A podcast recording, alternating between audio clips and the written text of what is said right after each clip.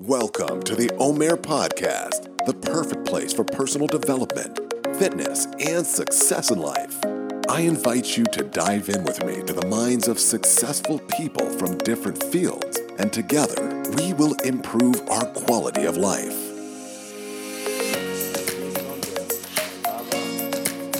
שלום, תודה שאתה מארח אותי. בשמחה. אז למי שלא יודע מי זאת עדי בלונדר, את יכולה להציג את עצמך בקצרה? אה, כן, בקצרה, אה, אני מאמנת אה, כושר מתל אביב. אני מלווה אנשים בתוכנית אונליין, גם אימונים וגם ליווי של שינוי הרגלי תזונה, כדי להגיע למטרות. שהריכוז של התרכזות שלי כרגע זה בנשים. אוקיי. אה, את יכולה לקחת אותנו קצת אחורה בזמן? תמיד חלמת לעסוק בתחום התזונה והכושר? את זוכרת אולי נקודה שהתשוקה לזה התחילה? אה, לא, לא תמיד חלמתי, אה, את האמת שזה התחיל הרבה יותר כתחביב. אה, אני התחלתי להיכנס לכושר רק אחרי הצבא, את האמת, אף פעם לא, לא ממש עסקתי בכושר כל החיים שלי, חוץ מזה שנתיים כזה בילדות של התאמנות קרקע וזה הוזנח, כי עברתי בין שש מדינות, אבל אה, בעיקרון אחרי הצבא פשוט חיפשתי קצת לעשות אה, תרגילים בבית, ידעתי שאני מאוד מאוד מאוד לא בכושר, אה, לא היה לי לא זמן, לא כסף, אז פתחתי יוטיוב, אה, קניתי איזשהו מזרן, זה אפילו לא היה מזרן יוגה, אני חושבת שרכשתי את זה מאיזה חנות של ריקושט או, או משהו שכזה מזרן של קמפינג, לא יודעת מה זה היה, והתחלתי להתאמן מהבית, ואת האמת שהתקדמתי מאוד, ומה שהתחיל באימונים קצרים של אה, 20 דקות של כזה תרגילי בטן, אה, הפך למשהו שהצטבר ללרכוש קצת משקולות קטנות וקצת אה, דברים אה, שונים ואביזרים. ולפני שנתיים התחלתי קורס מאמני כושר כי יותר בשביל עצמי את האמת, לא, לא ציוויתי שאני אפתח את זה רציתי פשוט להבין בדיוק מה אני עושה ולא להיות עכשיו צמודה כל הזמן ומקובלת לסרטונים של אימונים, אלא רציתי לעצב לעצמי ורציתי להבין מה, אה, מה המשמעות מאחורי האימונים שאני עושה ואיך יותר אה, להיות מכוונת. אה, ומאז הקורס, בקורס בגלל שכדי להיות מאמן כושר אתה צריך לעשות את הקורס ה- הכללי שהוא בחדר כושר וזו הפעם הראשונה בעצם שנכנסתי ל- לאימונים של חדר כושר וזה היה משהו חדש בשבילי, עד, עד אז הייתי עושה סגנון פילאטיס ודברים כאלה בבית.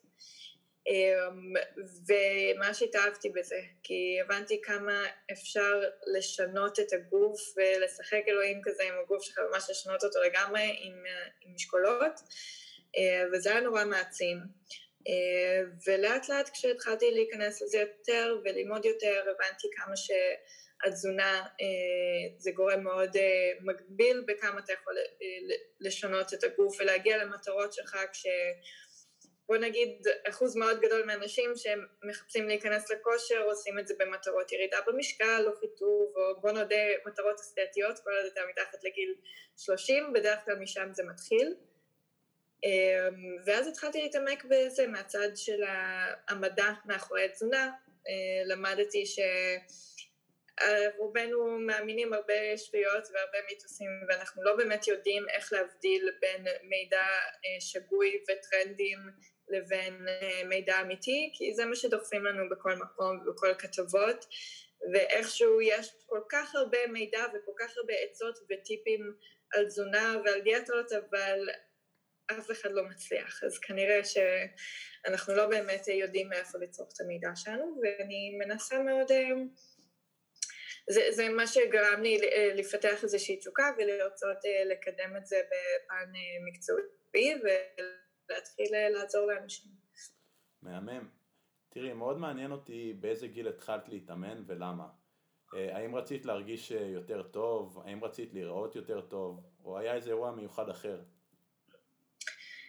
Um, לא, לא חושבת שהיה איזה אירוע ספציפי, אני אגיד לך מה, אני תמיד הייתי בחורה רזה, אפילו מאוד רזה. Uh, היום למרות שאני מאוד אוהבת את, ה, את הגוף שלי היום, אני, אנשים מאוד מתפלאים לשמוע שהייתי הרבה יותר רזה כשהתחלתי להתאמן. שקלתי איזה 47 קילו. הייתי כל החיים מודה, אבל לא הייתי אף פעם בכושר. הייתי ממש כמו, כמו פלסטלינה, כאילו הייתי מתנשפת מלעלות מדרגות. ושתבין שאני הייתי אחרי צבא, אני שכרתי דירה בקומה שלישית בלי מעלית, וזה היה כאילו בשבילי הכושר היומי. אה, לא הייתי מסוגלת לרוץ, אני זוכרת בצבא אה, אה, שהייתי צריכה לקום שש בבוקר לעשות ריצות שתיים קילומטר, זה היה הורג אותי, זה היה הדבר הכי קשה בעולם. והרגשתי שזה לא בסדר שבחורה בגיל צעיר כמו שלי פשוט לא בכושר בעלי, אין לנו שום כוח, וזה לא היה ממקום של אה, להרזות, אבל זה היה נראה לי ממש... אה, חיפשתי קצת איזשהו אתגר כזה בחיים כדי להרגיש קצת יותר בריאה. אה, היה לי גם כמובן את המוטיבציה האסתטי, חשבתי שזה ממש יהיה מגניב, ואני אצליח להשיג קוביות בבטן, שזה משהו שלכולנו יש בראש, זה סוג של איזשהו סמל של, של כושר. וככה אני התחלתי, ופשוט תוך כדי אה, התאהבתי בדברים אחרים ש, שלא שאפתי אליהם בהתחלה, כמו ממש להרגיש חזקה, אה, וזה פשוט מטרה שלדעתי מאוד אה, חשובה ביחד עם המטרה האסתטית, כי לשנות את איך שאתה נראה לוקח הרבה זמן, הרבה. לבנות שריר לוקח הרבה זמן, ירידה במשקל זה תהליך, אה, אבל אם אתה מציב אה, מטרות אה, נוספות שהן קשורות לכושר ולהתחזק, אז יש לך מוטיבציה שהיא תמידית, שהיא לא תלויה בתוצאה הארוכת טווח הזאת, כי להתחזק אתה יכול לשים לב לשינויים משבוע לשבוע, וזה מה שישאיר אותך בעצם דבוק להרגל הזה, עוד הרבה לפני שאתה תראה את התוצאות הוויזואליות. אז אה, זה, זה מה שמאוד אה, דחף אותי. אני מסכים איתך מאוד. Um, הרבה אנשים אומרים שקשה להם להתחיל להתאמן, אז בשביל אנשים שלא מתאמנים ורוצים להתחיל, איזה טיפים היית נותנת להם? הייתי אומרת לכם, קודם כל תתחילו, תתחילו במה שהכי נגיש והכי פשוט לכם. אה, הרבה אנשים מחפשים אה, מה צורת אימון הכי יעילה, מה הכי טוב כדי להוריד במשקל, מה זה, זה לא משנה, כי אם אתם תעשו את זה רק פעם בשבוע, שבועיים, זה לא משנה אם תעשו את האימון הכי יעיל, הוא לא יעשה כלום. אז אה, אני ממליצה אפילו תתחילו בבית, כמו שאני התחלתי, רק כדי שתתחילו בכלל לאהוב את זה. ת, ת, תתנו לכם כמה פריטים קטנים, באמת היום זה כל כך קל אני אז הזמנתי מאלי אקספרס כל מיני גומיות ושטויות, אבל היום יש לכם אה, אה, מלא חנויות שאתם יכולים להזמין אונליין דברים, להקל על אימונים בבית, או שאם יש לכם סטודיו שהוא קרוב לבית שלכם, תירשמו לסטודיו. אם יש לכם חדר כושר ליד עבודה וזה נוח לכם יותר בערב אחרי העבודה או ישר לפני העבודה ויש לכם איפה להתקלח, קודם כל שזה יהיה זמין, זה משהו שאתם לא צריכים ללכת ולנסוע בשביל להתארגן וזה, כי זה לא יקרה. אם אתם רק מתחילים, אני יודעת שבשבוע הראשון כולנו מוטיבציה ברמבו, וכן, הולך להתאמן כל יום ואני אקום בחמש בבוקר, זה לא באמת יקרה אחרי השבוע הראשון. אז תעשו משהו שהוא אה, קודם כל קל ונגיש, ואז אחרי זה תחפשו איך להתקדם ולשפר. תראי, אני מאוד מסכים, ואני גם, אני חושב שהיום עם כל העידן של האינטרנט, אין תירוצים. זאת אומרת, אם בן אדם מחליט והוא מאוד רוצה לשנות את הגוף שלו, אז אין שום סיבה בעולם שהוא לא יגיע למטרות שהוא מציב לעצמו. לגמרי, מסכימה. אז הקיץ בפתח, ובדרך כלל אנשים עושים חיטוב בתקופה הזו. יש לך טיפים בנושא הזה? אה, כן.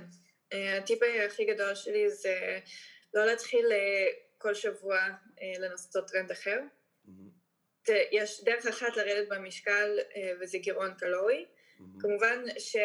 יש הרבה דרכים לבצע אותו אה, בדרך, בצורה שנוחה לכם, אולי אתם רוצים תפריט קבוע אה, שמישהו יכין לכם שהוא איקס קלוריות שאתם צריכים, יכול להיות שאתם מעדיפים לעשות מעקב של הקלוריות באפליקציה ואז אה, להכניס כל מה שאתם אוהבים ולהתגמש עם זה. ויכול להיות שאתם מעדיפים לא לחשוב בכלל על הקלוריות אבל כן למצוא דרך לצמצם אותם בלי לחשב את זה בפועל שאתם יכולים לעשות צום לסירוגין למשל, להתחיל לאכול יותר מאוחר, לסיים מוקדם ביום. לחלק מהאנשים זה יעבוד, לחלק מהאנשים פשוט ימותו מרעב ויאכלו פי שניים אחרי הצום הזה. אז זה מאוד תלוי וזה מאוד אינדיבידואלי, אבל קודם כל להבין שזו הדרך היחידה. הרבה אנשים מחפשים, אני, אני לא יודעת למה יש לאנשים את הרגישות הזאת סביב האוכל והם לא רוצים להאמין שזה מה שצריך לעשות כדי לרדת במשקל. הם לא רוצים להפחית מהאוכל, הם מאמינים שיש אה, מלא דרכים אחרות, רק לא זה, רק אל תורידו לי מהאוכל, כן, אני מוכן לרוץ כל יום, אני אעשה ככה, אני אעשה ככה, אתם לא, אין, אתם לא תגיעו קרוב לגירעון קלורי שאתם צריכים, רק דרך כושר, או דרך, אה, לא יודעת איזה המצאות אנשים אה, ממציאים היום, לא לגעת בלחם או לא לגעת בזה, אבל הם חושבים שלעשות מעקב קלורי זה אובססיבי, אבל אה, לא לגעת בלחם, לא לגעת בסוכר, לא לגעת בזה, זה לא אובססיבי. אמ, אז אני אגיד לך מה, רק דרך התזונה, אמ, אל תנסו כל מיני קיצורי דרך אחרים, אמ, לא צריך לעשות את זה בצורה קיצונית, אבל זה הדרך. שנינו מאמני כושר, ואחד הקשיים שאני נתקל בהם זה שבאמת אנשים כל הזמן מחפשים קיצורי דרך, וכמה שאתה לא מסביר להם שגם את רומא לא בנו ביום אחד, הם עדיין מתעקשים. אה, לחפש כל מיני קיצורי דרך כאלה ואחרים. אז, אז איך את מתמודדת עם זה בתור מאמנת? איזה טיפים היית נותנת למאמן אחר שאולי מקשיב לזה עכשיו? אני חושבת שפשוט להיות מאוד מאוד כנה כן. איתם, וגם אם זה על חשבון, בוא נגיד, ההצלחה שלך כביכול, אני חושבת שמאמן אה, יעריך אותך הרבה יותר אם תהיה כנה איתך. אמ, יש לי מאמנת למשל ש... שאמרה לי, אם אני לא אשיג עכשיו מהאימונים אצלך ישר קוביות בבטן וזה רק אם אני אפחית בתזונה שלי, אז בשביל מה אני צריכה אותך?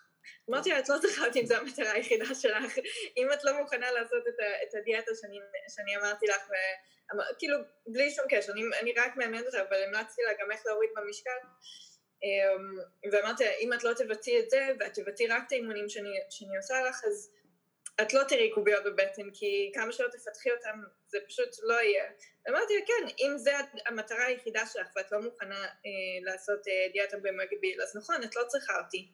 כי אם כושר לא מעניין אותך אז לא צריך, ואני מאמינה אבל שיש לאנשים אה, מטרות אחרות, ומי שכן משקיע את הזמן ומחשבה בזה, אה, כבר כן עדיף ללכת אה, all in ולנסות להתאים גם את התזונה, אבל אני אגיד לך מה, אני עבדתי בעבר בשיווק, כמו שאמרתי לך, אני לא הייתי עד לאחרונה מאמנת והתעסקתי בתחום הזה, וזה בדיוק אותו דבר, זה מגיע לך לקוח שרוצה אה, לפרסם בתקציב של אה, גרושים, אבל רוצה להגיע לכל העולם. אז אה, צריך, צריך להציב עובדות בפני בן אדם, להגיד לו, תקשיב, אתה, אתה מקבל את מה שאתה משקיע. זה, זה כמו ששואלים כמה זמן ייקח עד שהבטן שלי תהיה שלוחה. זה תלוי בך, מה זה שאלה מאוד כללית, זה, אתה מתאמן פעם בשבוע, אתה מתאמן חמש פעמים בשבוע, אתה אוכל ככה או שאתה אוכל ככה. כן, בוא נגיד שאם כבר אנחנו בתחום השיווק, אז אה, ה-ROI, ההחזר על ההשקעה ב, ב, בתחום הכושר, אתה יכול אפילו להתאמן שלוש פעמים בשבוע ולהגיע לגוף מרשים מאוד. את מסכימה איתי? כן, לא צריך אני לגמרי מסכימה. עכשיו להשתגע ולהתאמן חמש-שש פעמים בשבוע, אה, להיות מאוד מאוד נוקשה עם הדיאטה ברמה קיצונית, או... מסכימה? אני, אני מאוד מסכימה, אני לא חושבת שצריך לתאמן עכשיו אה, פעמיים ביום, כן, כדי להשיג אה, גוף טוב, ואני חושבת שזה בעיקר יהיה תלוי ב... אה, בתזונה, ויותר מזה אבל בצד של אימונים זה תלוי כמה אתה דוחף את עצמך, כי אני כן, אני יכולה להגיד לך בגלל שאני מאוד נכנסתי לזה עם הרבה תשוקה, אז באמת הייתה לי טרנספורמציה, אז העליתי הרבה מסת שריר, התכתבתי, וויזואלית מאוד רואים את זה, גם העליתי תמונות כזה לפני ואחרי באינסטגרם, כי אנשים מאוד התרגלו לראות אותי עכשיו, אבל הם לא יודעים איך נראיתי אז, כן. ולמרות שהייתי רזה, עדיין הצלחתי לשנות מאוד את הגוף שלי. אמ, אבל אתה הולך לחדר כושר, ומי שהולך קבוע, אה, תמיד רואה שם את האנשים שהוא ראה לפני שנה, והם נראים בדיוק אותו דבר. כן. והם מגיעים קבוע, הם מגיעים גם אפילו שש פעמים בשבוע. כן. אבל הם נראים בדיוק אותו דבר כמו שהם נראו לפני שנה. אז זה לא משנה אה, כל כך מעט תדירות, זה משנה כמה אתה באמת דוחף את עצמך, אתה מעלה משקל מדי פעם, אתה מנסה לעשות משהו קצת יותר קשה, או שאתה כבר חמש שנים מפמפם בחמש קילו עשר חזרות. בדיוק. אז אה, זה הגורם העיקרי שלדעתי, וחוץ מזה, לתחזק אה, מסת שריר ודברים כאלה, לתחזק את הגוף שבנית, הרבה יותר קל מלבנות אותו, אז קחו בחשבון. איזה סוגי אימונים את עושה למתאמנים שלך? אמרת שזה פיתוח גוף, נכון? בעיקר אימוני פיתוח גוף. כן, כשאני מדברת על פיתוח גוף, הכוונה אימוני כוח. אמ, אני לא מתעסקת עם אה, אירובי, את האמת, לא כי אני אנטי אירובי, אני חושבת שאם אתם אוהבים את זה, תעשו את זה, ואני חושבת שזה טוב לבריאות, אה, כושר לב רע, אמ, הכל, אבל אה, ספציפית, אם המטרה היא אסתטית, mm-hmm. אני חושבת שאירובי הוא פשוט עוד איזשהו כלי לשרוף עוד קלוריות, כמו שאתה יכול להוריד קלוריות מהאוכל, אז לדעתי לרוב האנשים שגם ככה נורא עסוקים ובקושי מפנים זמן לכושר, פשוט עדיף להם אה, להשקיע את הצד הזה ב, ב, מהצד של האוכל, את השריפת קלוריות, ובאימונים שאני מתרכזת בלעצב את הגוף ואיך מעצבים את הגוף, זה בונים שריר. כדי לבנות שריר, אז זה בדרך כלל דברים של חזרות קצת יותר, אמ, לא בטווחים של עכשיו אה, לקפץ 50 אה, פעם או דברים כאלה, אלא אמ, טווחים אה, של היפרטרופיה, כל הזמן לנסות להעלות משקלים, לדחוף יותר משקל, גם אם זה אימון בבית אגב, אמ, להשתמש במשקל גוף או גומיות או אפילו משקולות יחסית קטנים אבל כן להקשות בצורות שונות כדי לפתח שריר. זה מה שאני יותר מאמינה בו בשביל אסתטיקה. נכון, כי באמת יש המון סטודיו שנשים בעיקר אוהבות להתאמן בסטודיו ולעשות, את יודעת, המון חזרות, עדיין מפחדים קצת ממשקלים שהם יותר כבדים. אמ, עדיין יש מיתוסים כאלה ואחרים לגבי זה שעדיף לעשות יותר חזרות ופחות לעבוד בטווח של ההיפרטרופיה והכוח. אז אה, אם את עובדת בטווח הזה, אז אה, אני מאמין שזה הרבה יותר נכון ויכול להוביל לתוצאות הרבה יותר טובות. כן, אה, ושוב, בסופו של דבר אתה מסביר למתאמן, ו... אבל הוא משלם לך, ואם הוא מעדיף ככה, לא משנה מה אתה תסביר לו, אז כן. אתה, אתה עושה מה שהמתאמן רוצה. אה, אבל כן, זה מאוד אינדיבידואלי, אני יכולה להגיד לך שיש מתאמנות שאומרות, לא משנה לי אם את אומרת שהכי יעיל אה, כדי לשנות את הגוף זה איקס, אני רוצה אה, להתמקד חצי מהאימון בלעשות אה, קצת אירובי, לא משנה שהם לא בכושר, אז האירובי כביכול או ההיט זה דקה ואז... אה, של משהו שלא באמת בעצימות כל כך גבוהה, ואז דקה מנוחה, והן אומרות, אני מרגישה שאני שורפת אה, הרבה. אז בסדר, שרפת 20 קלוריות, אבל אם את מרגישה, אז בבקשה. יפה. היום המון הולכים ללמוד תזונה וכושר בשאיפה להצליח בתחום הפיטנס. איזה כן. טיפים כן. היית נותנת לחבר'ה צעירים שבתחילת דרכם? אה, טיפים אה, שהייתי נותנת זה קודם כל לא להסתפק בקורס בלבד אה, בשביל הידע שלכם. אני רואה הרבה מאמנים בחדר כושר, אני יכולה להגיד לכם מאוד קל לעבור קורס מאמני כושר. כאילו, אני, אני, אני אגיד לך את האמת, אתה, אתה לא צריך להיות גאון. אני ראיתי אנשים ששאלו אותם, בואו תעשו, תראו לי תרגיל לחזה עם משקולות יד, והם פשוט אה, עמדו זקופים ו... ועם שתי משקולות יד והצמידו ידיים אה, מול הפנים ואמרו זה תרגיל חזה. והם עברו. אז, וגם היום אני הולכת בחדר כושר ומאמנים לא יודעים את השמות של השרירים. דברים מאוד בסיסיים, אז אל, אל תהיו מאלה. תצרכו מידע באופן קבוע ותצרכו אותו ממקורות um, טובים, תירשמו, um, יש הרבה uh, אתרים שמפרסמים uh, מאמרים um, ומחקרים גם בעברית ומסכמים את, את המחקרים האלה בשבילכם, אני לא אומרת תשבו ותקראו כל מיני מחקרים, גם יש סיכומים, uh, תעקבו אחרי אנשים שבאמת uh, מוסמכים בתחום שיש להם עכשיו PhD ושבאמת עסקו את זה ברמה מאוד מקצועית, ותורידו את האגו, ותדעו שאתם אה, מעכשיו אה, כמה חודשים או חצי שנה שעשיתם קורס, אתם לא יודעים הכל ואף אחד לא יודע עדיין הכל, אה, ותקבלו ביקורת, ואתה יודע, גם כשאני סיימתי את הקורס שלי, עוד המשכתי ללמוד הרבה, אבל בעיקר גם לקחתי טיפים מאחרים, גם על הביצוע העצמי שלי, ואני חושבת שהרבה אנשים מזניחים את זה, אמ, ואני יודעת שהרבה אנשים יכעסו על מה שאני הולכת להגיד עכשיו, זה קצת יעצבן אותם, אבל אמ, תהיה את הדוגמה שאתה מנסה להיות לאחרים. אמ, אני חושבת שמאמן שאתה מסתכל עליו ואתה אומר הוא צריך מאמן, הוא לא, הוא לא, קשה לו לתת מוטיבציה לאחרים, כי להיות, להיות מאמן כמו כל מקצוע אחר, אני חושבת שזה לא רק להעביר ידע. ידע אפשר, אפשר לצרוך הרבה מידע באינטרנט, אפשר לצרוך בהרבה מקומות, אבל אתה צריך לדעת גם איך ליישם את זה בפרקטיקה, ואתה צריך לדעת איך, איך להציף את המתאמן במוטיבציה לבצע את זה, כי זה לא קל, וזה לא קל לקום ולדעת שאתה הולך עכשיו להזיע ולהתעייף וזה, ואם אתה לא יודע לעשות את זה עם עצמך באופן קבוע ולהשיג את המטרות שלך ולא ניסית אף פעם להתחתב או לשפר את התזונה או לא ניסית אף פעם לדחוף את עצמך בחדר כושר, קשה לי להאמין שאתה תהיה טוב בזה כלפי מישהו אחר. אני מסכים מאוד ואני חושב שתי דברים, דבר ראשון אנשים שאין להם רקע בתחום הספורט והם מחליטים שהם עושים קורס פתאום אז אני חושב שהם באמת צריכים יותר לקרוא ולצבור איזשהו ידע לפני שהם ניגשים ל... ישר להתחיל לאמן אנשים. כי המון חבר'ה צעירים מסיימים קורס וישר רוצים להתחיל לעשות אימונים אישיים.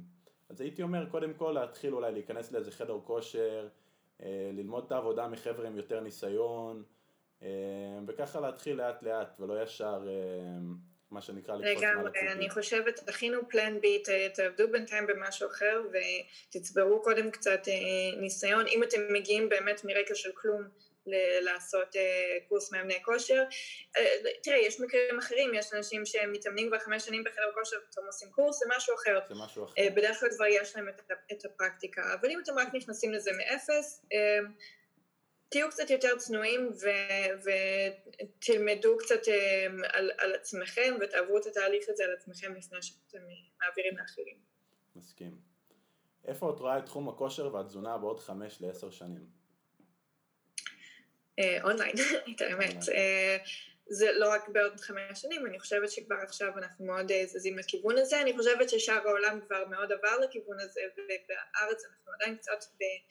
קצת ב delay וזה קצת איטי, אבל אני כן דוברת אנגלית שפת אם, אז אני כן עוקבת אחרי הרבה ממה שקורה בעולם בתחום ה fitness, והוא נהיה מאוד, מאוד בינלאומי, זאת אומרת כל מאמן יכול עכשיו לאמן אנשים בצד השני של העולם, ולהתאים תוכניות לאנשים בצד השני של העולם, ואני חושבת שאני דוגמה לזה שלא צריך לעמוד מול בן אדם כדי ללמד אותו, יש אנשים שצריכים את זה בשביל מוטיבציה, שמרגישים שאין להם את המשמעת הזה להיכנס ולעקוב אחרי תוכנית או אחרי סרטונים וללמוד, שזה בסדר וזה מאוד אינדיבידואלי, אבל אני חושבת שבכללי זה פתרון מעולה להגיע, מצד המתאמנים, המאמנים להגיע ליותר אנשים, מצד המתאמנים חוסך הרבה זמן וכסף וזה הרבה יותר נגיש.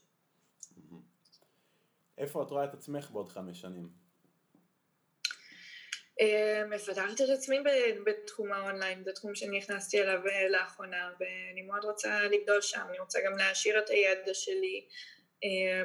ככל שגם אנחנו צוברים ידע על התחום הזה, אני חושבת שכל הזמן אנחנו לומדים והייתי רוצה מאוד להעשיר את הידע שלי גם בצד הפסיכולוגי, שאני חושבת והוא לא פחות חשוב, על איך איך יותר לדרבן אנשים בקשיים הכי גדולים, שזה למשל, שזה דיאטה או שזה תחילת הדרך של להיכנס לכושר. טוב, זו שאלה מפוצצת, את מוכנה? מוכנה, להכל. מה המורשת שהיית רוצה להשאיר ביקום לאחר שלא תהיי פה יותר?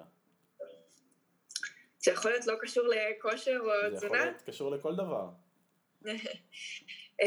מורשת שהייתי רוצה להשאיר, אני חושבת שלימדו אותי בחיים דבר אחד מאוד חשוב שמאוד שינה אותי וזה איך להיות יותר ראש פתוח כלפי אחרים ולשפוט פחות mm-hmm. וזה נשמע כמו משהו מאוד פשוט אבל הרבה מאיתנו כמה שאנחנו מרגישים אנשים טובים ונחמדים והכול אנחנו עושים את זה אוטומטית בטח בעידן של מדיה חברתית שהרבה אנשים מאוד חשופים אמ, אנחנו נוטים להביע ביקורת על אנשים שאנחנו רואים צד מאוד מאוד אה, מסוים וספציפי שלהם ואנחנו לא יודעים על החיים שלהם ותקבלו אנשים אחרים, תדעו שאין לכם מושג מה אותו בן אדם עובר, למה הוא עושה מה שהוא עושה. אמ, אז אני חושבת שזה משהו שיהפוך את העולם ליותר טוב והייתי שמחה להעביר את זה לכמה שיותר אנשים ואני מנסה להעביר את זה לכמה שיותר אנשים שאני פוגשת עדי, איפה ניתן להשיג אותך למי שרוצה ליצור איתך קשר? אה, אז בעיקרון הכי קל אה, דרך האינסטגרם שלי, עדי בלונדר, עם מקף תחתון בין השם. יש לי שם קישור בפרופיל גם לאתר שלי, שזה עדibלונדר.com, גם לקבוצה בפייסבוק של טיפים בחיטוב פרקטיקה ומוטיבציה נקראת, וגם ליוטיוב שעכשיו פתחתי, אז משם אתם יכולים להגיע להכל. מעולה. אז עדי, שוב, תודה רבה על הזמן שלך. אני יודע שאת מאוד עסוקה, וזה בכלל לא מובן מאליו. בכיף, תודה לך.